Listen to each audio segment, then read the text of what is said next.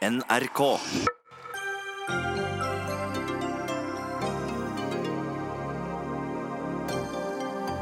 Misnøye i Venstre. Flere vil bytte ut partiledelsen. Vi har vært i dødens dal før og kommet tilbake, svarer Venstre-topp. Varsko varsel fra barnevernsarbeidere for få ansatte. Dette er kommunenes ansvar, mener barneminister Ropstad. Skolen bør la være å tvinge nettbrett på unga våre, mener BI-forsker. Vi må følge med i tiden, svarer lærer. Og Geiranger kan miste sin UNESCO-status dersom folk flykter i frykt for ras. Ordføreren vil ha hastemøte med regjeringen, og får det i Dagsnytt 18.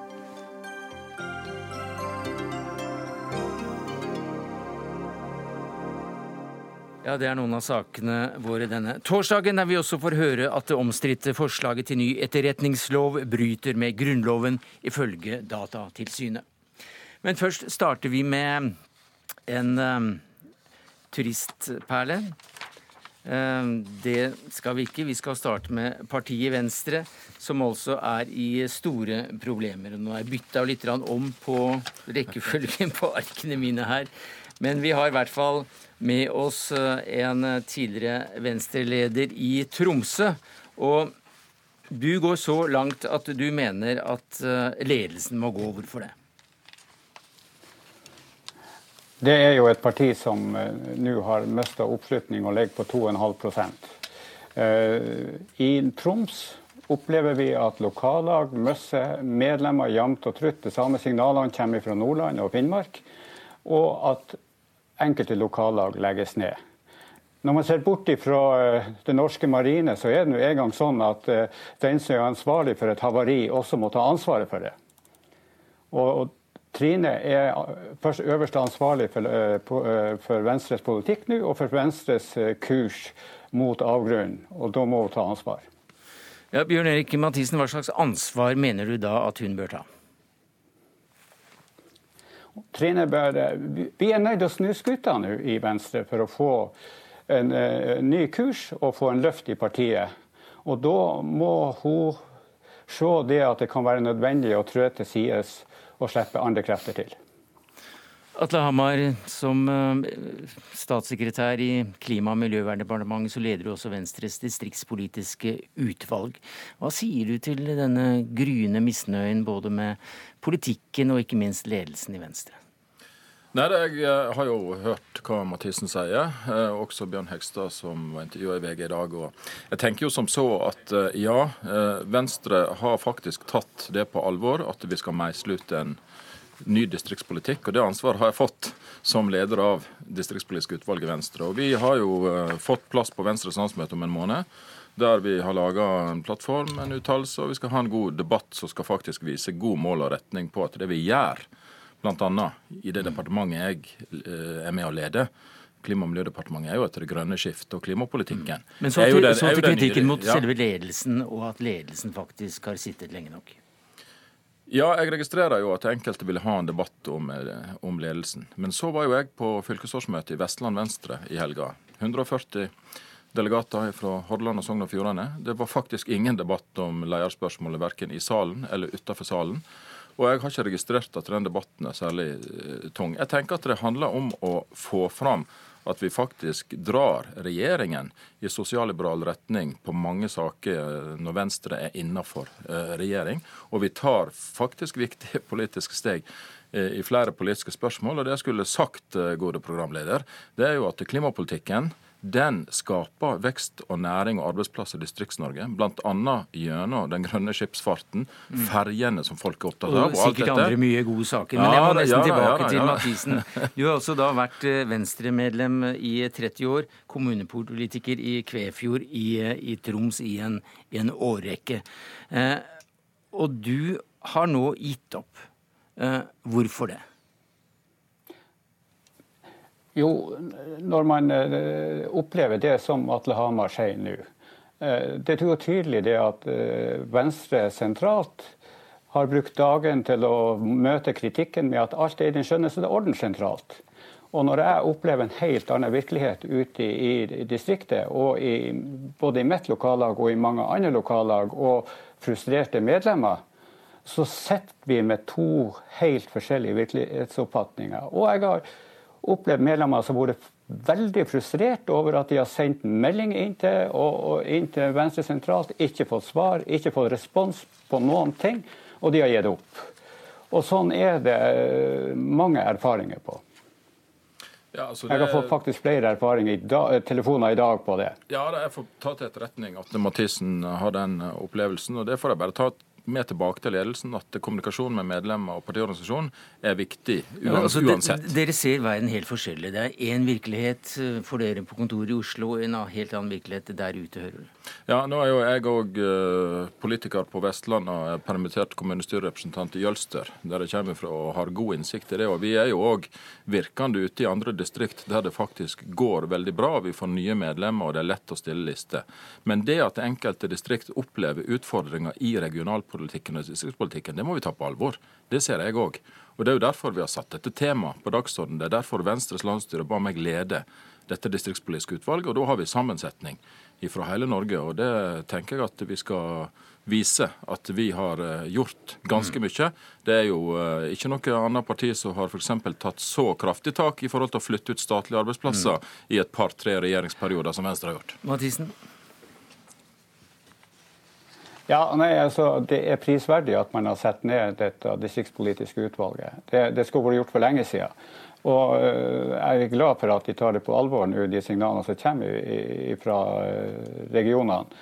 Men jeg syns jo òg det er en fenomenal prestasjon at man utelater halve landet når man skal oppnevne uh, kollegier rundt regjering og storting. Altså, Det er ikke én nord eh, Trøndelag som, som, som, kan eh, representeres inn i det, det, apparatet eh, i dag.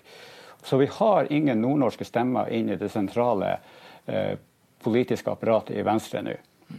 Sondre Hansmark, jeg hadde lyst til å ta inn deg som leder av Unge Venstre, og som da ja, representerer fremtiden, da. Uh, I dag så har du lansert Sveining Rotevatn som en mulig etterfølger til Trine Skei Grande. Når er det naturlig at uh, en leder følger da dagens leder, syns du? Det gjenstår jo å se, men jeg kan jo bare si at det er jo ikke sånn at vi påstår at alt er rosenrødt i Venstre, sånn som det blir påstått her. Og vi ser jo veldig mange problemer med måten Venstre holder på i dag. Sant? Vi gjør det dårlig på meningsmålingene, vi ligger under sperregrensen, vi har lav velgerlojalitet, og statsrådene våre er ukjente. Men jeg tror, jeg tror, ikke det er en veldig god løsning å skulle kaste dagens partileder på eh, årets landsmøte. Jeg tror nok vi må være litt mer tålmodige enn det. Og Vi skal ikke glemme at Trine Skei Grande er den første lederen i Venstres historie som har klart å få oss over sperregrensen for andre valg på rad. Og Jeg velger heller å ta en litt annen tilnærming til dette. her. Jeg har jo mine politiske prioriteringer, mitt prosjekt. Unge Venstre sine saker vi syns er viktig. Og vi kjemper jo for å få gjennomslag for de overfor dagens Venstre-ledelse og få de til å prioritere mm. bedre enn de gjør i dag. Men, men, men, bør partiet ha en strategi for muligheten av at Trine Skei Grande faktisk enda går av? Ja, så Hun skal jo ikke sitte for evig. og Hvor lang tid er det naturlig at eh, en slik leder sitter i en slik situasjon? Nei, Det varierer nå veldig. men Det er nå opp, til, nei, det er nå opp til partiet. Men jeg mener at hver gang vi skal ha valg på landsmøtet vårt, så bør prosessen være åpen. Vi bør ha en reell diskusjon hver eneste gang. Klarer dagens ledelse å gjennomføre det de er blitt valgt til å gjøre? Og Det er ikke lenge til neste gang akkurat det skjer? Nei, det er jo eh, litt over et år til, så jeg ser heller ingen grunn til å ta den diskusjonen akkurat nå. Vi har ingen behov for å framskynde leder, altså det ledervalget som skal være om et år. Men det som er viktig for oss, er å sørge for at når Trine Skei Grande en gang går av som partileder, så har vi folk som er flinke og klare til å ta over stafettpinnen for henne. Og du foreslår altså ja, vi har foreslått Svein Rotevatn som, eh, som, en som eh, kan ta over eh, ledervervet hvis han, hvis han ønsker det. Hva sier du til det, Bjørn Erik Mathisen? Ja, Rotevatn er sikkert en god kandidat. Jeg har òg veldig sansen for Abid Raja. Venstre var det første partiet som fikk en kvinnelig partileder. Og jeg er heller ikke fremmed for at Venstre kan være det første partiet som får en leder som kommer fra et innvandrermiljø. Men det er altså da en, en viss splid når det gjelder eh, det urbane venstre og distriktsvenstre her. Er det slik du også ser det, Hamar? Altså, Det kan uh, kanskje oppfattes slik eh. blant enkelte, men jeg må jo si òg at den konflikten ser ikke jeg i, i dagen. Fordi at uh, Det grønne skiftet som vi steller med i Klima- og miljødepartementet, det gjelder både by og land, og det skaper definitivt mest verdiskaping og nye arbeidsplasser i Distrikts-Norge enn det gjør i byene, sånn som den utviklinga går nå. Og så tenker jeg jo òg at eh, dette handler jo om å kommunisere politikk og få den fram. Og kanskje har inntreden i regjeringen, der vi faktisk har vært med og løst mange viktige saker, gjort at litt av den profilen har datt vekk. Men uh, nå skal vi altså ta tak i dette. Nå skal vi ta tak i dette. Og så vet vi at oppskrifta på en god distriktspolitikk, den har jeg jo òg sagt eh, med store overskrifter i VG, den er jo nødvendigvis ikke sånn som Trygve Slagsvold Vedum og Senterpartiet forteller den, men den er faktisk slik Venstre kan ha en strategi på å utvikle gode regionale vekstmiljø i distriktene. Bjørn Erik Mathisen, hva skal til før du kommer inn i folden i Venstre igjen? Nei, jeg eh, har nå vært så lenge lokalpoli polit lokalpolitiker og, og har gått en, en, en, periode hvor det har vært veldig frustrerende å være venstrepolitiker lokalt. Eh, jeg eh, tror jo at jeg har gjort min tjeneste som lokalpolitiker i Venstre til nå. Så samfunnsengasjementet er ikke borte. men, men den, eh, den retninga Venstre har bevega seg i, gjør at lysten til å bidra inn i det begynner å avta veldig.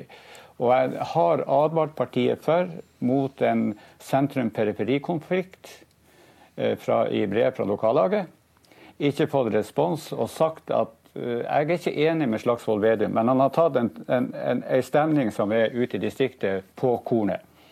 Og da trenger man ikke som Venstre å spille Eh, lissepasninger for åpent mål til, til, Senterpartiet hver gang distriktspolitiske saker er oppe. Det, det har man opplevd unnskyld at, jeg, unnskyld at jeg avbryter deg, men det er altså lissepasninger til Senterpartiet det er snakk om. I, uh, i Nordkapp så gikk altså hele lokallaget uh, Alle sammen gikk over til Senterpartiet på en dag. Hva sier du? Nei, altså Lissepasninger og lissepasninger. Jeg skjønner det Mathisen sier. Og så tenker jeg at eh, da handler det om at vi skal faktisk bruke landsmøtet om en måned til å vise at eh, vi har noe å bidra med i distriktspolitikken, og vi får til resultat i regjering. Og så er det jo selvsagt slik at eh, en regjeringsinntreden der en er en del av nå en firepartiregjering, eh, det koster. Det koster òg litt å være i regjering og ta ansvar, men vi får faktisk resultat. og vi mm vet jo òg at sysselsetting, næringsutvikling, det går så det griner i Distrikts-Norge. Takk skal du ha, Atle Hamar, statssekretær i Klima- og miljøverndepartementet, Sondre Hansmark, leder i Unge Venstre, og til deg eh, i Kvæfjord, Bjørn Erik Mathisen. Vi skal ha inn et par kommentatorer som skal få lov å snakke litt mer om Norges eldste parti. Opprøret i eh, Venstre blir det kalt, Lars Nehru Sand, du er politisk kommentator i NRK. Hvor alvorlig er situasjonen i partiet? Partiet har jo vært i en alvorlig situasjon over lengre tid. På meningsmålingene ikke kommet i skyggen av mange andre politiske saker gjennom hele 2018 og, og begynnelsen på året i år. Det er naturlig at det blir en trykkoker i, eh, i, partiet, og at det også rettes oppmerksomhet mot eh, lederen i en sådan stund. Trine Skei Grande har også klart å skape noen eh, problemer og utfordringer for seg selv på egen hånd. Men, men det som skjer nå, er jo kanskje verst tenkelig inngangen på et valg som, som Venstre kan ha. Vedvarende under sperregrensa. De ser totallet på, på flere målinger. Velgerne er i tvil om hva partiet står for, og de Eh, synes ikke godt nok i, eh, fra regjeringskontorene, de posisjonene de har. Eh, og de går da inn i et landsmøte og en valgkamp med et parti som ikke helt vet hvem de er eller har selvtillit, og det merker også velgerne. Frøy Gulbrandsen, du er politisk redaktør i Bergens Tidende. Hvis vi går til toppledelsen her, hvilken tillit tror du Trine Skei Grande har i partiet som sådan? Altså, jeg tror ikke det er eh, De fleste eh, tenker nok ikke at det er en god idé at hun går av som leder nå. Eh, det tror jeg kanskje er det minst smarte det eh, partiet kan gjøre nå, å kaste partilederen eh, i et valgår. Men eh, det er klart hun har vært partileder lenge. Og hvis partiet fortsetter å ligge såpass dårlig på målingene, fortsetter å slite med å få fram hva partiet står for, hvilke gjennomslag de har fått, så er det begrensa hvor lenge hun kan sitte. Men eh, det at debatten kommer opp eh, nå, Det tror jeg eh, store deler av partiet ikke syns er særlig smart. Og de ser at eh, det å diskutere partilederen om partilederen bør trekke seg i år, det er ikke en god idé. Ja, For i år er det jo også et valgår. Det er det det er. Eh, og I og med at det ikke er helt åpenbart hvem som skal ta over som partileder etter Trine Skei Grande, så hvis man åpner den diskusjonen, eh, så ja, da blir det enda vanskeligere kan man si, å få frem hva eh, partiet har fått gjennomslag for i regjering. Så dette er kanskje det ja, minst heldige som kan skje i Venstre akkurat nå. Lars Nehru Sand, eh, hva sier du til eh, Trine Skei Grandes posisjon i partiet? Den eh, er nok sånn at hun selv har mistet eh, noe autoritet, men det er også veldig mange som støtter Trine Skei Grande, som vet at det er hun som har eh, vært en viktig organisasjonsbygger for Venstre over tid. Men hun, hun sliter jo nå med en travlere kalender og en kulturministerjobb som kanskje går på bekostning av hennes evne til å kunne bygge lag som Venstre sårt trenger nå. Og så er det jo også betegnende for dette, hvis vi skal kalle det et opprør, da, eh, at man ikke helt vet hvem som skal overta, eller, eller eh, ser for seg en, en samstemt enighet om, om, hvor partiet skal eh, videre. Og da er det både partiets strategi, partiets profil og, og ny leder som man ikke har nødvendigvis et, en klar oppfatning av. Ja, Vi har fått to navn i dag, Rotevatn og Raja. Ja, og hadde det vært en koordinert kampanje, så kunne det kanskje vært ett navn, og ikke to. Eh, partiet Venstre har jo tradisjonelt stått sterkt på Vestlandet. Hvordan er det oppslutningen der nå? Den er lavere, som alle andre steder. Og særlig i, altså i forrige valg så gikk det jo dårlig eh, i distriktene. Og det er jo klart det er noe som eh, mange har vært opptatt av. Eh, og derfor så tror jeg også at eh, altså i den nye regjeringsplattformen så er det jo en del endringer. Landbrukspolitikken er mer i tråd med det eh, mange i distriktene i Venstre ønsker seg. Men så sliter man jo med å få det frem. Eh, men jeg tror at dette som skjer i Venstre nå, det er ikke først og fremst et distriktsopprør. Det, det er verre enn som så. Jeg tror at um, det er misnøye og uro eh, også i byene. Så det handler ikke egentlig først og fremst om distriktene, men det handler om eh, oppslutning, det handler om eh, at man mangler en tydelig retning. At man ikke klarer å se den, og at man er usikker. Og, ja, så det er ikke, sånn som jeg ser det, så er det vel så mye Eh, at man mister velgere eh, i byene også. Da. Det hadde vært enklere, eh, et enklere problem å løse hvis det var bare i distriktene Venstre tapte velgere. Ja, Det tror jeg er en god analyse. og Det begynte jo også ved lokalvalget sist, at Venstre gikk tilbake i, i viktige byer. Og, og, møter jo også Miljøpartiet De Grønne som en konkurrent i noen velgergrupper. og Det er ikke eh, sånn at det nødvendigvis er, er by mot land innad i Venstre som, som er eh, hele forklaringen her. Eh, og Man ser også at det, de gnisningene som nå er i Venstre, går jo også inn i stortingsgruppa. Det går mellom eh, folk som føler de har innpass hos eh, partilederen, og folk som ikke har det.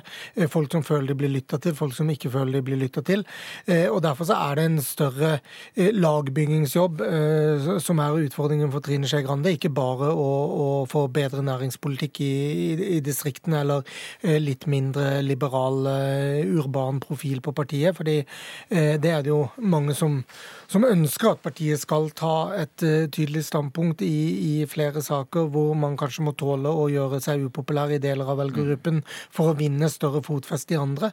Uh, men, men, det er jo en strategiprosess i Venstre som har latt, uh, latt vente på seg, og, og, og, som også da frustrerer mange i Venstre at man ikke har kommet i gang med. Men Gudbrandsen, kort til slutt også, vi snakker jo om partiet Venstre. Der skal det være bråk? Ja, eh, det er klart det må være litt bråk i Venstre. Eh, litt, litt uklarhet og litt, eh, litt vingling må, må, det være der. Men, og man sier ofte at det i Venstre så er det alltid, alltid vært verre. Men det er alvorlig i Venstre nå. Jeg tror, jeg tror, man kan konkludere med det. Det er en alvorlig situasjon. Da har du konkludert for oss. Takk skal du ha, Frøy Gudbrandsen, politisk redaktør i Bergens Tidende, og til Lars Nehru Sand, politisk kommentator i NRK. Dagsnytt 18 alle hverdager kl 18.00 på NRK P2 og NRK2.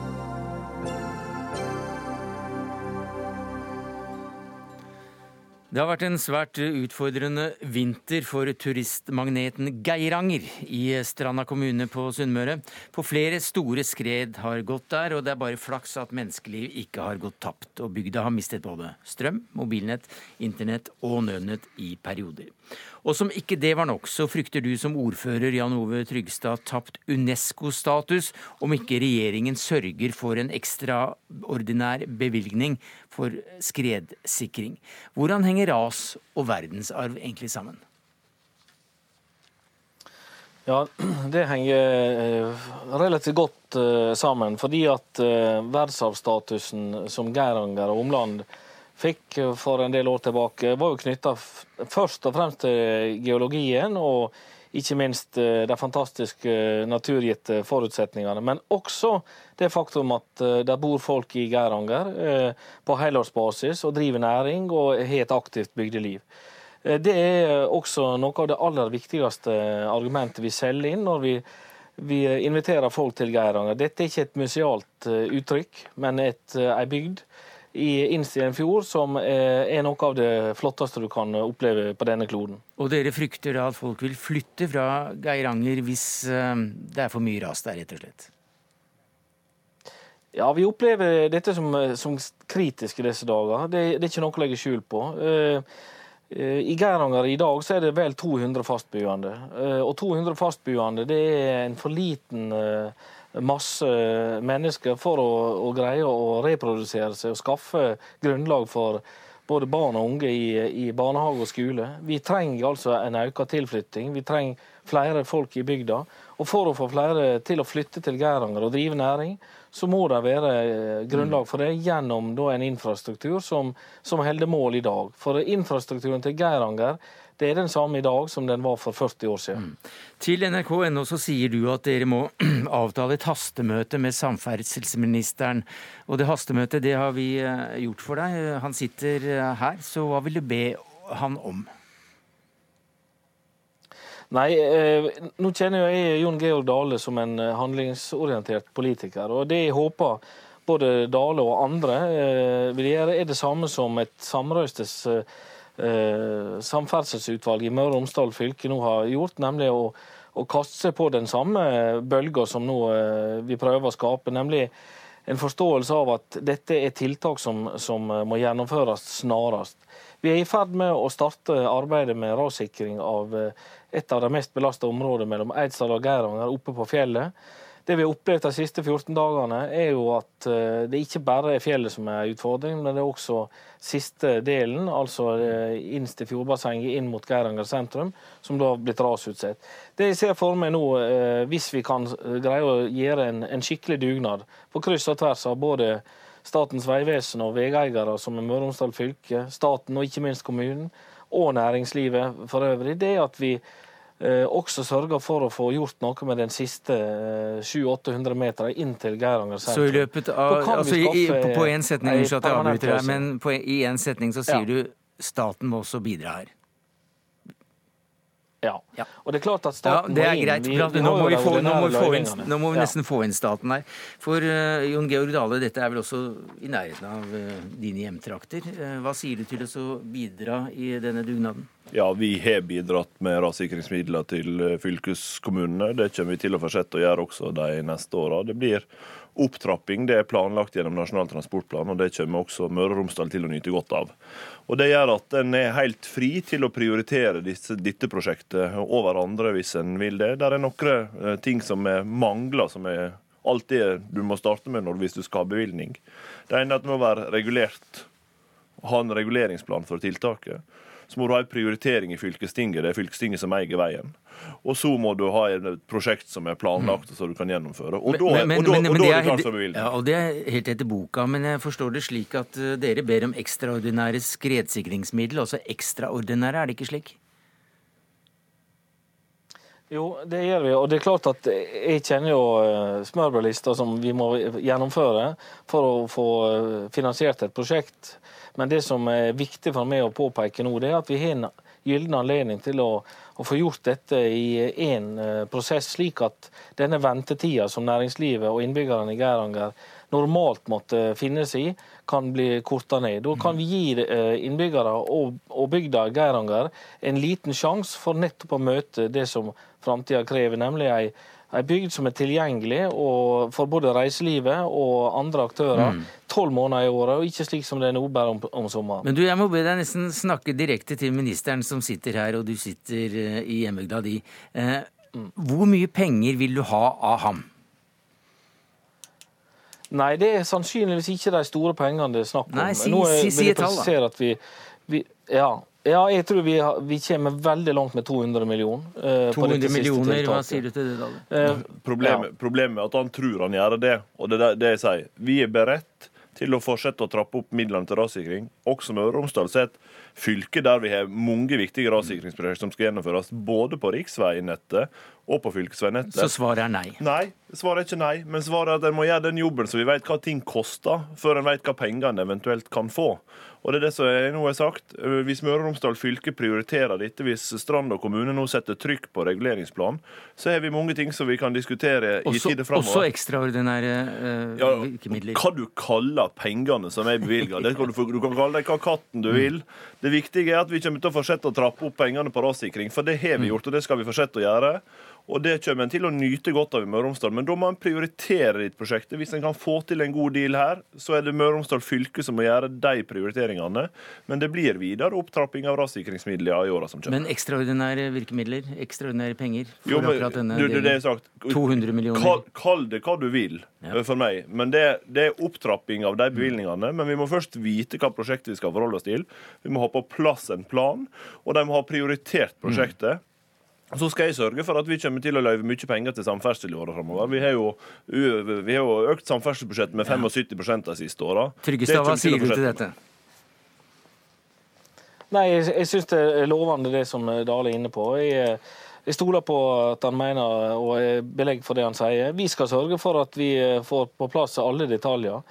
Men jeg kan også love Dale og andre i, i regjeringsapparatet og Stortinget for den saks skyld at vi er i, har akkurat nå sendt ifra oss reguleringsplanen for Geiranger, både land- og sjøsida. Der vil vi komme med en justering knytta til denne tunnelløsninga som vi nå skisserer. Og Det blir tema eh, for departementene nå framover. Jeg håper virkelig nå at vi i fellesskap eh, jobber målretta, slik at vi får løst både de kortsiktige og de langsiktige utfordringene.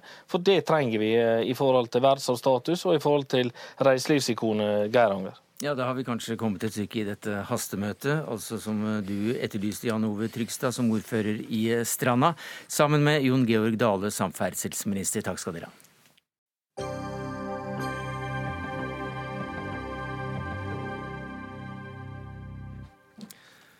Mens eh, flere skoler tar i bruk nettbrett i undervisningen, viser et nytt forskningsprosjekt at de fleste barna ja, de foretrekker faktisk eh, å lese bøker på papir framfor nettbrett, mobil og PC. Det gjelder også for de unge som ikke kjenner noe annet enn nettbrett, så å si, som er oppvokst og født etter at nettbrettet kom. Anne Britt Gran, du er professor ved Handelshøyskolen BI, og du er en av dem som står bak forskningen og setter og skriver i Klassekampen at det er, det er et spørsmål om dette teknologi, teknologibyttet var godt nok gjennomtenkt. Hvordan begrunner du det? Ja. Jeg vil først si at det Forskningsprosjektet vårt handler egentlig om bokbransjen og digitalisering av kultur- og mediesektoren. Men så syns vi at disse eh, resultatene var såpass interessante, og det tar så lang tid å få publisert det, så vi fant ut ok, vi slipper eh, resultatene på ett spørsmål. Mm. Og da fant vi jo rett og slett ut at 15-19-åringene eh, de har de samme lesepreferansene som 60-åringene i Norge. Og det syns vi var veldig overraskende.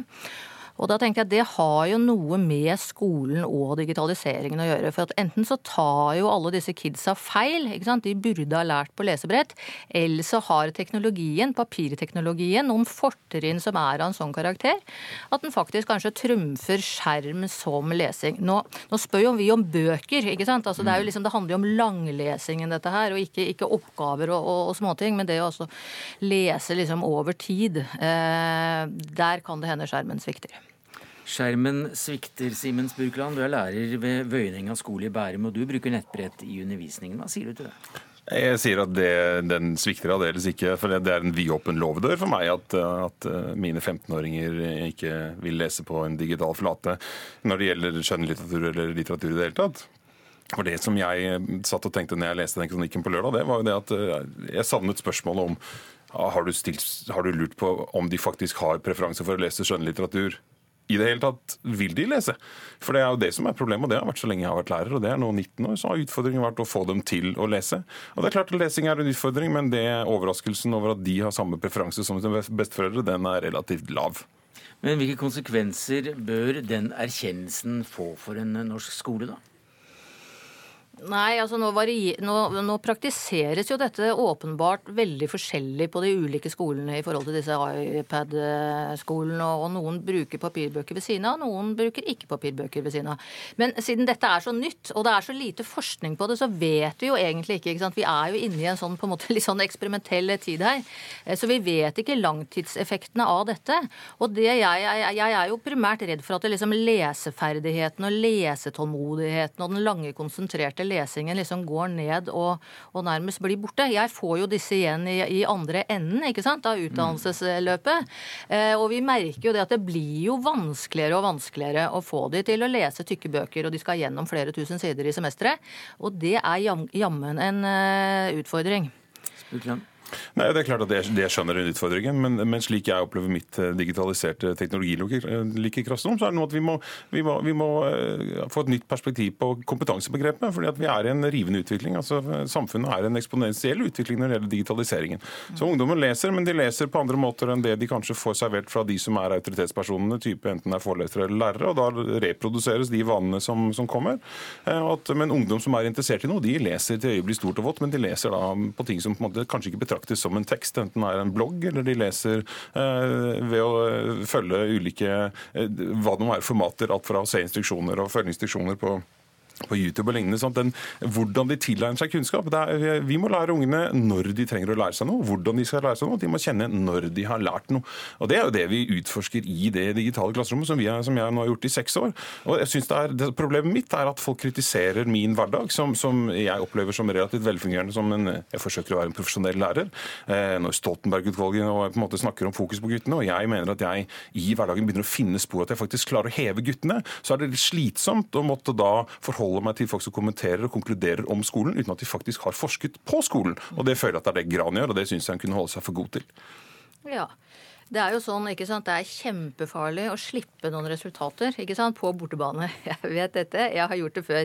Likevel så syns jeg liksom reaksjonene da, på den kronikken, og, og, siden altså alle diskusjonene jeg har hatt eh, siden lørdag om dette, så virker det jo som det er en god del som står på spill. For jeg har aldri fått så mye takk for en kronikk noen gang. Og jeg har heller aldri fått så mange ganske sinte, eh, la oss kalle det digitale eh, lærere, som syns at dette er helt håpløst irrelevant.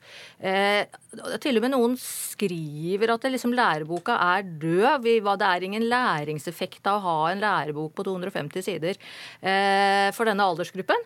Eh, og det er klart for meg som, som, akademiker og som vet at det skal disse studere på BI, så må de ikke bare lese én bok på 250 sider, men veldig mange. Og hvis ikke de får trena på det, ikke sant? Hvis, ikke de, ikke, hvis ikke vi har lærere i lesetålmodighet, og vi må ha volum på den lesingen Å lese en blogg, ikke sant? Du kommer kommer ikke fra å lese en blogg til å lære Norges lover. Nei, jeg, jeg, jeg, sier ikke at jeg er uenig i den, den utfordringen er til stede også. Det er noe vi må ta alvorlig. Men det er klart at eh, i mitt eh, klasserom, jeg er også lærer i samfunnsfag, og har da bøker som er nå tolv år gamle. Og det er direkte pinlig å skulle la den læreboka være for grunnlaget for kompetansen og, og det kunnskapen man skal kunne i det faget. Jeg kan ikke bruke den, jeg har ikke råd til å kjøpe nye. Så skal jeg bruke lærebok, så må jeg finne andre, jeg finne andre veier til det, andre formater. Og da, det, da, da kan jeg ikke forholde meg til det som faktisk er det som har vært ledende på ressursene. og Da må jeg finne andre veier til det. Og så må jeg selvfølgelig, altså Hver dag så jobber jeg med mine elevers strategier og holdninger til hvordan de skal være digitalt gjennomtenkte borgere. Og da, Det må jeg gjøre ved å faktisk utforske det sammen. at vi er, eh, Samfunnet er jo noe viser på dette. Det er jo ingen som har lang erfaring med hvordan man skal være digitale lesere. Det må alle lære seg. og Det er på ingen måte mine elever som er de store, stygge og farlige ulvene ute i det digitale universet. Nå er, tror jeg ikke at liksom Spurkland er det, liksom det store problemet i digitaliseringen av skolen. Jeg tror jeg har skrevet på Twitter at hadde vi kunnet klone der, så hadde vi vel gjort det. Sånn at det er ikke, det er ikke den enkelte lærer jeg liksom går løs på her. Jeg er egentlig interessert i teknologidimensjonen. Det er jo det noe det vi studerer i prosjektet når vi studerer kultur- og mediesektoren, er jo da liksom forskjeller og likheter mellom analoge og, og, digitale eh, teknologier. Og så å si liksom de føringene som ligger i teknologien. Og det er jo der jeg liksom løfter det at vi, vi, er vi i ferd med å glemme at papir også er en teknologi. ikke sant? Altså det, det, nye blir så veldig teknologisk, og det gamle er liksom ikke teknologisk. Og jeg spør deg, er det, er det fortrinn, er det egenskaper og attributter og kvaliteter ved denne teknologien som gjør at den egner seg bedre for langlesing? Og det er kanskje det disse digitale kidsa har skjønt. De, de vil jo gjerne ha, gjøre alt annet på skjerm. De vil gjerne bo inni skjermen. De har endret nesten alle vaner i kultur- og mediesektoren. Eh, men akkurat eh, papirboka boka vil de beholde. Ja, det, det, nei, ja og nei. Altså, det er, eh, jeg tror ikke det at de går til, vil gå i fakkeltog for papirboka hvis du hadde spurt mine 13-åringer. Det er jeg ganske sikker på. Eh, er, så, men, men, at de må lære seg å lese, de må forholde seg til eh, kunnskapen, ja, det er absolutt riktig. Og det er, og det er en kjempeutfordring. og den, altså Mitt problem blir, som da lærer med klasserommet jeg har iPader, det er at hver gang noen kritiserer skolen, så, så er det liksom iPad som blir tatt fram som den store stygge ulven. og så blir det sånn der, det, det forpurrer og bremser den prosessen jeg vil være i. og det det, det, du bidrar ikke konstruktivt når, med å slippe resultatene på den måten. Det, det blir min hovedproblematikk. Men, men Gran, du setter vel også et spørsmålstegn ved om denne utviklingen har gått litt fort og litt ubegrunnet, også at det er lite vitende forskning bak? Ja, ja. Jeg er jo ikke mot digitalisering i skolen. Jeg syns skolen er stort sett altfor lite digitalisert, og at de lærer feil ting. og At de burde heller lære å bygge datamaskiner og lære om algoritmer og big data og mange heavy ting. Så at det er ikke det det står på i det hele tatt. Men det er klart at det går fort. Det er ikke forskningsbelagt. iPad-tittelen var faktisk faktisk ikke min, men jeg kan godt være med på at vi er inne i et, et eksperiment her. Så det papirløse samfunn, det er ikke slutt? Nei, altså jeg, som jeg sier, jeg er teknologioptimist. Akkurat nå tror jeg på papirets fortrinn. Takk skal du ha, Anne Britt Gran, professor ved Handelshøyskolen BI, og til deg, Simens Burkland, lærer.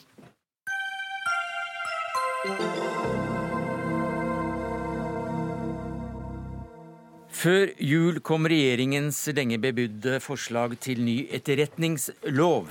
Et kontroversielt tema er det som kalles for det digitale grenseforsvaret, eller tilrettelagt innhenting, som det også heter. Eh, forslaget er grunnlovsstridig, mener Datatilsynet, som du leder, eh, Bjørn Erik Thon. Før vi går langt inn i paragraf 102 og vår rett til privatliv, så må du nesten skissere hva dette dreier seg om. Ja, Det digitale grenseforsvaret, som eh, det ble kalt tidligere Nå har man jo prøvd å finne et veldig snilt og litt sånn avvæpnende navn på det ved å, kalle det, ved å kalle det tilrettelegging. Men det går rett og slett ut på at man skal overvåke datatrafikk som går ut og inn av Norge i kabler. Eh, det er enorme mengder data, eh, og de går 24 timer i døgnet. Disse dataene skal lagres i 18 eh, måneder eh, i det som kaller et metadatalager. Og så er det et par andre datalagre som vi ikke trenger å snakke om. Men eh, vi snakker også om data. Vi snakker om hvem man har snakket med eller sendt e-poster til, hvor man har vært når man har snakket, dato, klokkeslett osv. osv. Og det er snakk om så å si alle typer kommunikasjon. Eh, kommunikasjon som er en del av livet til oss alle sammen, både privat og i arbeid. Det er snakk om tekstmeldinger, telefonsamtaler, e-poster, messengermeldinger, gmail-meldinger, Snapchat-meldinger, Facebook-oppdateringer. Det kan til og med hende det er søk, unnskyld, at det er annonser som vi har lagt ut på finn.no, eh, kunderegistrene og betalingene til Kvam energiselskap mm. osv. Så, videre. så det er helt enorme datamengder som skal lagres i dette. Hvorfor er dette i sin helhet helhet forholdsvis uh, elendig idé? Uh, vi har pekt på tre ting i vår høringsuttalelse. Den er på 60 sider, uh, på vanlig datatilsynsk grundighet. Men det er tre forhold som vi spesielt ser på som problematiske. Det, det ene er forhold til menneskerettighetene og de menneskerettslige forpliktelsen vi har etter EMK, og ikke minst etter vår egen grunnlov paragraf 102, som du også nevnte, hvor vi spesielt angriper uklarheten i dette forslaget. For det er faktisk ikke mulig å lese dette forslaget og forstå hvilken betydning dette har for den vanlige norske borger. Det håper jeg vi kan snakke litt mer om etterpå. Så er det at kontrollmekanismene er for dårlige, eh, både når det gjelder kapasitet og kompetanse. Og ikke minst så er det en fare for at dette forslaget vil føre til en såkalt nedkjølingseffekt i samfunnet vårt. Det betyr at folk begynner å legge bånd på seg i sin kommunikasjon fordi de er redd for å bli fanget opp og overvåket av E-tjenesten, som jo skal være bruker av dette kjempesvære datalagre. Så langt Datatilsynet. Michael Tetzschner, du er stortingsrepresentant for Høyre. Det er Forsvarsdepartementet med din partifelle Frank Bakke-Jensen på ministerposten som da kommer med dette forslaget. Eh, han kunne ikke komme, så vi er glad for at du er her. Eh, hvis vi tar privatlivets fred først, hva sier du til at eh, det bryter veldig med akkurat paragraf 102 i Grunnloven? Jeg syns det er en meget interessant Ehm, argumentasjonsrekke som Datatilsynet fører her.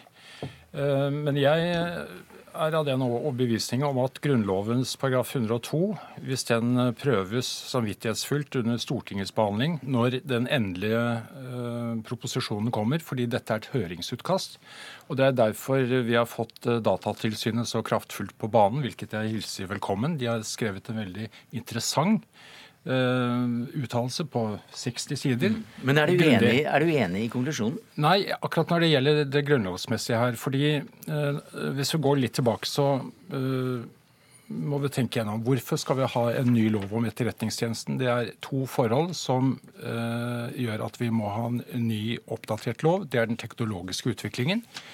Uh, som går i retning av at truslene utefra Og husk at dette er utenlandsetterretning som er eh, fokus her. Ehm, det, det andre det er at eh, man også eh, har organisatoriske endringer som Lysne-utvalget, som det høres litt teknisk ut her, som har gjort et forarbeid som nettopp har fortalt oss veldig pedagogisk hvor grensen går så kan man diskutere om man skal gå helt ut til grensen. Men her må jeg også si at det er et veldig viktig hensyn å passe på at terrorister ikke får etablert seg i Norge. Vi har problemer med hjemvendte syriakrigere. Vi har også en generell eh, innvandring med personer som ikke har fått eh, avklart sin identitet. Og da må proporsjonalitetsargumentet, som Thon helt fortjenstfullt har løftet, det vil også være en, en litt annen avveining enn det var i den gamle loven. Mm. Nå er, det, nå er det, slik at eh, EU-domstolen i to dommer knyttet til datalagringsdirektivet, som vi har vært diskutert her flere ganger tidligere, har kommet til at det var ulovlig fordi det var et for stort inngrep i borgernes personvern. Eh, så har det kommet noen andre rettsavgjørelser som stiller dette kanskje et litt annet lys, men de skal altså opp for såkalt storkammer i Menneskerettighetsdomstolen. Det er ikke avgjort, så jeg syns det er utrolig dristig av regjeringen at de legger fram et forslag som er så inngripende, og som faktisk på flere områder går lenger i å overvåke borgerne enn det Lysne-utvalget eh, la opp til. Og Dessuten så er det riktig det at det her er snakk om utenlandsetterretning. Det er E-tjenesten. Men det er jo norske borgere som vil bli registrert i dette registeret. For nesten all kommunikasjon som vi har, eh, jeg tror det er over 80% kanskje opp i 90% går innom utlandet. Så selv om jeg sender en tekstmelding til dere to, eller tar en telefon til dere to, så går det innom utlandet. Og det er dette som kommer til å ligge i dette lageret. Og vi må ikke snakke om dette som data. Dette er data om mennesker. Dette handler om mennesker. Og de dataene som ligger lagret i dette registeret, sier noe om mm. interessene våre, politisk oppfatning, seksuell legning osv. osv. osv. Ja, altså dette at det øh, berører norske IP-adresser, det er jo helt opplagt at det vil gjøre. Fordi vi skal jo beskytte oss mot trusler i samfunnet. Og jeg egentlig er jeg litt glad for at man har forlatt øh, betegnelsen digitalt grenseforsvar. fordi det ga jo forestillinger om at det var en liksom, grensebom, og så kunne vi stoppe de elektroniske signalene vi ikke ville ha ved grensen. Men, men forholder du deg til at det en, det, dette er en for voldsom inngripen? Nei, nei, jeg er ikke det. fordi for det første så er avveiningstemaet litt annerledes når det er snakk om utenlandsetterretning, hvor eh, det er snakk om uh, trusler fra utsiden som uh, kan sette norske liv, vår hverdag, i, fare. Så er jeg enig med deg at rent teknisk, enig med Ton, at en del datatrafikk den kommer fra utlandet, selv om den er mellom norske uh, IP-adresser. Nesten, all datatrafikk.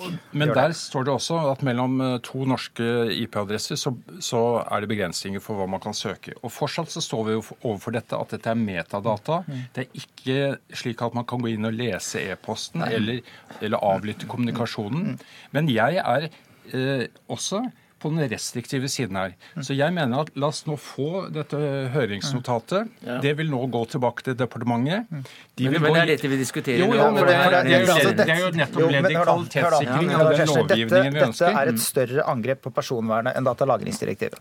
Jo, det er det absolutt, og jeg skal fortelle deg hvorfor. Det er fordi det er flere datatyper som skal lagres. Altså Datalagringsdirektivet hadde enorme hull. Fordi det, teknologien den gang var annerledes. Den har enorme hull. Det var mange typer data som ikke ble fanget opp. Her er vi på Facebook, vi er på finn.no kanskje. Altså det er alle mulige typer data som samles. Dette er et mye større angrep på personvernet enn datalagringsdirektivet. Og det at det er metadata det er snakk om, det er jo sånn enkelt forklart data om data. Noen sier det er det som er skrevet utenpå en konvolutt. Men hvis du har sendt en tekstmelding eller tatt en telefon fra et voldtektsmottak, eh, eller du ringer fra en bro hvor folk eh, enkelte ganger hopper for å ta livet av seg, så er det ikke så innmari vanskelig å avsløre hva du gjør der. Så å sette sammen ulike typer data, det er så lett å avsløre selv de ja, hva skal vi si, for noen ganske enkle datatyper, tegner et mhm. bilde av hva slags menneske du er. Det er sånn verden har blitt, og det er de dataene som kommer til å bli lagret i dette registeret. Og det kommer til å være svært inngrepende for borgerne. Og nå har vi ikke engang snakket om hva dette kan føre for samfunnsdebatten. Kanskje ikke for oss tre som sitter i dette studio, men for alle andre grupper som lever litt mer i randsonen av samfunnet vårt. Det har vi ikke tid til å snakke om nå, men det vil vi gjerne snakke om neste gang. Men, men det jeg gjerne vil si, er at i Granavolden, som er den nye flerpartiregjeringens eh, politiske arbeidsplattform, så er jo denne problemstillingen tatt inn med det forbeholdet for at det ikke skal kollidere med menneskerettigheter, skal ikke kollidere med våre egne grunnlovsbestemmelser. Mm. Og så får vi da en faglig diskusjon. Vi får hjelp av Datatilsynet, som er vår egen vaktbikkje, og så får vi en god debatt, og så får vi en bedre lov. Men så står det noe annet veldig fint i Granavolden, og også i den forrige. ja, ja da, jeg har lest den. Eh, der står det også at det skal opprettes en personvernkommisjon på justissektoren, som skal analysere personvernets kår på justissektoren. Det er det. Dette er i høyeste grad justissektoren. Men hvorfor i all verden legger man fram det kanskje mest personverninngripende forslaget noen gang, før Personvernkommisjonen har startet sitt arbeid? Altså, Det henger jo overhodet ikke sammen.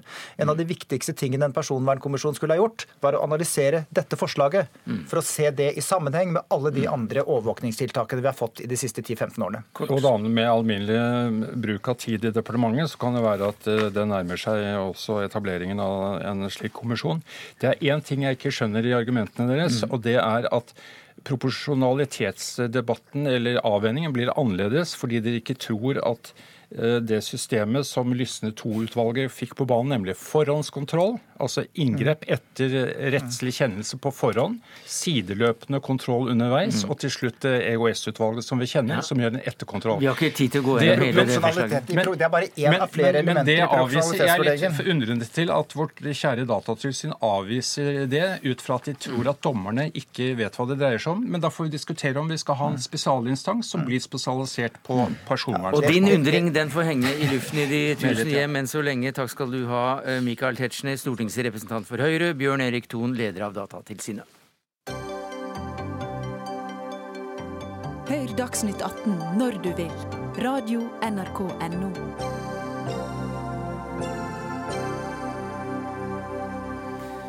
I nyttårstalen sa statsminister Erna Solberg at hun ønsket seg flere suksesshistorier fra barnevernet. Og under emneknaggen hashtag heierna på sosiale medier, ja, så får hun svar fra barnevernsansatte over hele landet.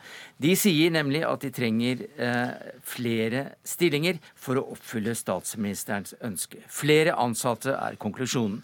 Markeringer starter nå klokka 18 i Oslo, Stavanger og Bergen for å vise muskler. Og Ine Haver, du er sosionom, du er fagkonsulent i barnevernstjenesten i Stavanger, og du er initiativtaker til aksjonen hashtag Hei Erna. Hvordan vil du beskrive situasjonen for dere som jobber i barnevernet i dag? Eh, situasjonen for oss som jobber i barnevernet i dag, det er jo det at vi har travle hverdager. Eh, ofte så er det òg jobbreiser. Da står du opp klokka seks om morgenen. er kanskje ikke hjemme før klokka 11 på kvelden. Hvis man ikke er på reise, har en kontordag, så springer du kanskje på flere møter i løpet av en dag. Innimellom så det, er det telefoner, plutselig så oppstår det en krise i en annen sak. Eh, og det er bare liksom du, du, springer fra det ene til det andre, så, så, dagene de er fylt opp. Og hvis du er heldig, så får du tid til lunsj. Men hvordan påvirker det arbeidssituasjonen din? Eh, det påvirker arbeidssituasjonen på den måten at du ofte går med mye stress i kroppen. Og, og klart at man, man blir jo eh, berørt av alle de menneskene man møter. Eh, men klart, for meg som har jobbet elleve år i barnevernet, som har lang erfaring, så er det jo på en måte lettere for meg å håndtere dette her. Mens for nyansatte så, er det ofte vanskelig, og det er jo derfor òg folk ofte slutter. Fordi at det tar liksom minst to år før du har kommet deg inn i arbeidet. Og i tillegg, oppi alt dette her, så skal vi òg ha tid til veiledning. Og veiledning det er jo noe av det, altså det, det er veldig viktig for oss ansatte. For det er det best egnede middelet til å forebygge utbrenthet, og det er litteraturen òg helt klar på. Men, dere... Men ofte så, så, tar vi og Ja, vær så god. Beklager. Vær så god. Nei, men ofte så ja, ofte så blir det jo òg sånn at man avlyser veiledning, for man har ikke tid. For det, det brenner i en familie. Mm. Så da på en måte setter du de behovene til side. Så uh, For at eh, Erna Solberg også skal få flere suksesshistorier for barnevernet, så, så er flere ansatte et viktig virkemiddel? Ja, flere ansatte det er viktig. Eh, flere ansatte det er grunnmuren i barnevernet. Men vi som på en måte har starta Hei Erna, vi sier jo ja til kompetanseheving. Vi sier ja til bedre organisatorisk struktur og alle de tinga der. Men først og fremst så må det være nok ansatte i bånn. Og da mener vi det, når vi henvender oss til regjeringen, at de må ta ansvar. For dette mm. er en, en varsling fra alle ansatte eh, i barnevernet i de ulike kommunene. Og det som òg har vist seg, det er jo det at dette her gjelder jo ikke bare i de små kommunene. Dette gjelder òg mm. i de store. Fra Sørlandet til Svalbard. Ja, jeg må nesten få en Kjell Ingolf Ropstad. Ja. Du er barne- og familieminister blant, blant mye annet. Eh, hvordan tar du denne varslingen fra, fra hele landet? Jeg syns det er et veldig flott initiativ. Jeg synes Det gjør det på en veldig saklig og god måte å vise det store engasjementet som barnevernsansatte tross alt har for å sikre barnas beste. For det er jo det som er utgangspunkt for at de orker å gå på jobb dag etter dag og gjøre et så viktig arbeid. Og jeg er veldig opptatt av at det skal være nok bemanning òg. Derfor er jeg jo glad for at det har vært en kraftig økning de siste årene under denne regjeringa. Og samarbeidspartiene har sørga for at det sammen med kommunene har blitt 1150 flere årsverk. Eh, og det er flere enn forrige regjering. Så, så det er veldig viktig at det er nok ansatte på jobb, sånn at en kan få gjort den jobben en, en, en, ønsker å gjøre for å sikre barns beste oppfylt. Ja, men hva, hva er da din reaksjon på alle disse varslene? Altså, det, det er én ting de krever, og det er flere ansatte. Kan du gjøre noe med det? I utgangspunktet kan jeg selvsagt også gjøre noe med det, men det er kommunene som styrer barnevernet. Og jeg har stor tillit til at kommunene også gjør den jobben på en god måte. Og tallene som jeg viser, en vekst på 24% fra 2013 til 2017, viser jo at kommunene gjør en jobb. Men jeg stiller, og kommer til å stille strenge krav til kommunene. Vi gjennomfører kontroll hvert andre år av kommunene. Og jeg er veldig opptatt av at kommunestyrene får en bedre oversikt over hvordan situasjonen er. fordi at eh, jeg tror nok noen kommuner ikke har vært tett nok på. og og har helt full oversikten over mm. situasjonen. Og når de ser det, så prioriterer de i enda større grad. Men så er det ett viktig poeng, og det er at kommunene som sitter tett på òg, de, de, har jo ulike virkemidler. Jeg er ekstremt opptatt av at de f.eks. ansetter en jordmor eller helsesøster, hvis det er det de mener er det beste forebyggende tilbudet. Så må de det. Ja, for målet må jo være at færrest mulig faktisk har behov for barnevernet. At en mm. lykkes med det andre arbeidet som kommunene òg driver. Inga Beyer-Eng, hva sier du som barnas ombud her i landet til dette? Nei, Jeg merker meg at Ropstad peker på kommunen. Eh, og jeg vil peke på, på han og regjeringen. For til syvende og sist er det statens ansvar. Det er staten som har en forpliktelse via Grunnloven og konvensjoner til å beskytte barn mot vold og overgrep. Og så har staten, når lovgiver, valgt å delegere det ansvaret til den enkelte kommune. Og når man da har delegert et ansvar til noen, så må man sørge for at det ansvaret eh, blir etterlevd, og at den jobben blir gjort på en god måte. Og nå har de som dette, denne oppgaven er delegert til, de svarer i dette oppropet om at sånn som vi har det nå, så klarer vi ikke å gjøre den jobben på en forsvarlig måte.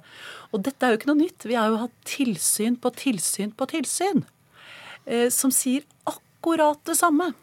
Og det jeg ønsker å si til Ropstad da, er at da må staten inn som den som har det overordnede ansvaret for å gå inn og analysere problemet. Min bekymring er at barnevernet det er riktig, har fått en del økte midler, ikke så mye de senere årene, men, men, men, tidligere. Men mitt spørsmål er hva har skjedd samtidig? Samtidig har de fått nye lovpålagte oppgaver.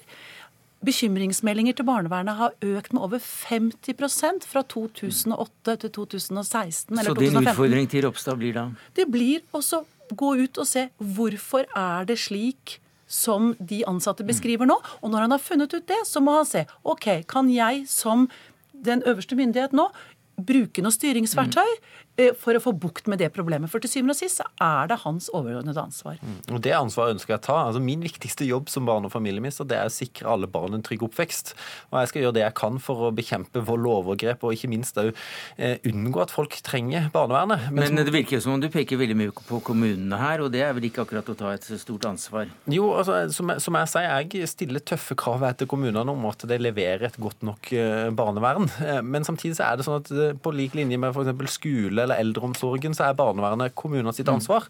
Og vi er midt i en reformprosess der vi kommer til å stille de tøffe kravene for å sikre at det er god nok kompetanse. Og hvis kommunene ikke leverer godt nok, så kommer vi til å stille tøffere krav. Og vi kommer også til å komme inn og drive med veiledning og hjelp til de kommunene som sliter mest. Det er litt interessant, fordi, og det er veldig godt å høre at, at, at Ropstad er klar over at det er til syvende og sist hans ansvar. Så vises det til barnehage og skole. Ja, hva gjør vi der? Der har vi krav i loven der, på hvor mange ansatte som skal jobbe i barnehagen. Vi har krav hvor mange lærere det skal være per elev. Det er føringer, det er et styringsverktøy som staten har brukt for å sikre kvaliteten. Det har vi ikke det i barnevernet? Det har vi ikke i barnevernet. Vi har ingen krav om utdanningsnivå, og vi har ikke noe krav om hvor mange som skal jobbe der. Eh, og, det tenker jeg, det er et tankekors. Er, er det en idé å komme inn med slike krav? Det er klart at det er diskusjoner om bemanningsnorm er selvfølgelig noe en hele tida skal ta, men, men, vi har jo valgt å ikke gå på den løsninga. Det er jo litt fordi at i barnevernet så er jo kompleksiteten i, i sakene er jo ekstremt forskjellig. Du kan ha to saker som tar all tid, og du men kan ha 30 som er fullt mulig. Bemanningskrav er vel kanskje en ganske lett sak å sette ned? Men, så er det jo et annet viktig ting. Altså, husk på at de aller fleste tiltakene som barnevernet er inne i, det er jo frivillige. Ja, altså, men, det, det, er hjelpetiltak, har lyst til å spørre Ropstad om et omsorgsoverdragelse. Mm. Og det som er viktig, er at kommunene setter inn de rette tiltakene. Det kan være at det er viktigere ja. å ansette en ekstra helsesøster eller jordmor. Det vet ikke jeg inne i Oslo. Ja. Det er det kommunepolitikerne som vet best. Og mitt mål er jo å ansvarliggjøre dem enda mer, for å òg stille tøffere krav til at de faktisk gjør jobben sin. Og det håper jeg det og tror at de gjør. Nå får du komme fra Stavanger.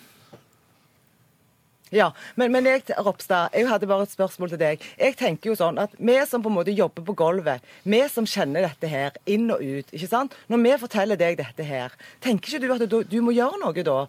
Og, og, det at du sier det at ja, vi har tilført eh, flere stillinger og sånn og sånn Vi må ta utgangspunkt i dagens situasjon. Og dagens situasjon er det at det er for få ansatte i barnevernet i Norge. Mm. Og vi har lyst til å hjelpe barna. Vi har lyst til å ha et bærekraftig barnevern i Norge. Og det har vi lyst eh, til å gjøre sammen med deg. Vi har lyst til at vi skal klare å ha en dialog med deg, og kanskje vi kan klare å komme fram til noen gode, mm. gode løsninger på dette.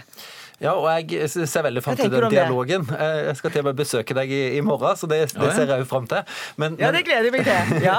men, ja. men, det, men, det, er klart at som jeg viser til, så er det ansatt 1150 nye i barnevernet fra 2013 til 2017. Vi har ikke fått 2018-tallene ennå. Og det er jo en kraftigere økning enn det var under de rød-grønne. Så det er jo ikke det at det ikke gjøres, men vi, vi bruker ikke nødvendigvis de samme virkemidlene. Vi ansvarliggjør kommunene, stiller krav til dem, og de leverer faktisk òg. Og så tror jeg jo at det kommer til å være behov for flere ansatte framover. Og jeg kommer til å være veldig opptatt av den situasjonen og følge situasjonen veldig nøye i kommunene. Mm. Ja, De leverer jo ikke når tilsyn ja, på tilsyn i, i, i Et øyeblikk, vi må nesten ja. få inn barneombudet her. Altså, det jeg ber Ropstad om å gjøre, det er å ok, ta hensyn til de stillingene og de pengene som har kommet. Det har kommet ikke så mye de senere årene, dessverre. Men også se på hva har de ressursene blitt spist opp av nye lovpålagte oppgaver og en voldsom økning i aktiviteten. Når det er 50% økning i bekymringsmeldingene, så må jo noen ta de bekymringsmeldingene. Så det jeg ber han om, er rett og slett å gå ned og analysere hvorfor er situasjonen blitt sånn, til tross for at det er blitt økte overføringer. Det er det staten må ta ansvar for. Fordi at det skal ikke avhenge av hvor du bor, om du får hjelp og beskyttelse eh, ut fra det du har og opplever i familien. Da blir det spennende å se hva du får ut av et besøk i Stavanger hos Ine Haver, som er fagkonsulent i, barnevernstjenesten eh, der. Eh, Kjell Ingolf Ropstad, du drar i morgen og kommer til å tilbringe en dag eh, sammen med, med henne. Inga Beyer-Eng som barneombud, takk skal du ha. Det var det vi rakk i Dagsnytt 18 denne torsdagen. Ansvarlig for det hele er Jaran Ree Mikkelsen. Det tekniske ansvaret har Erik Sandbråten. Jeg heter Sverre Tom Radøy. Vi høres igjen i morgen.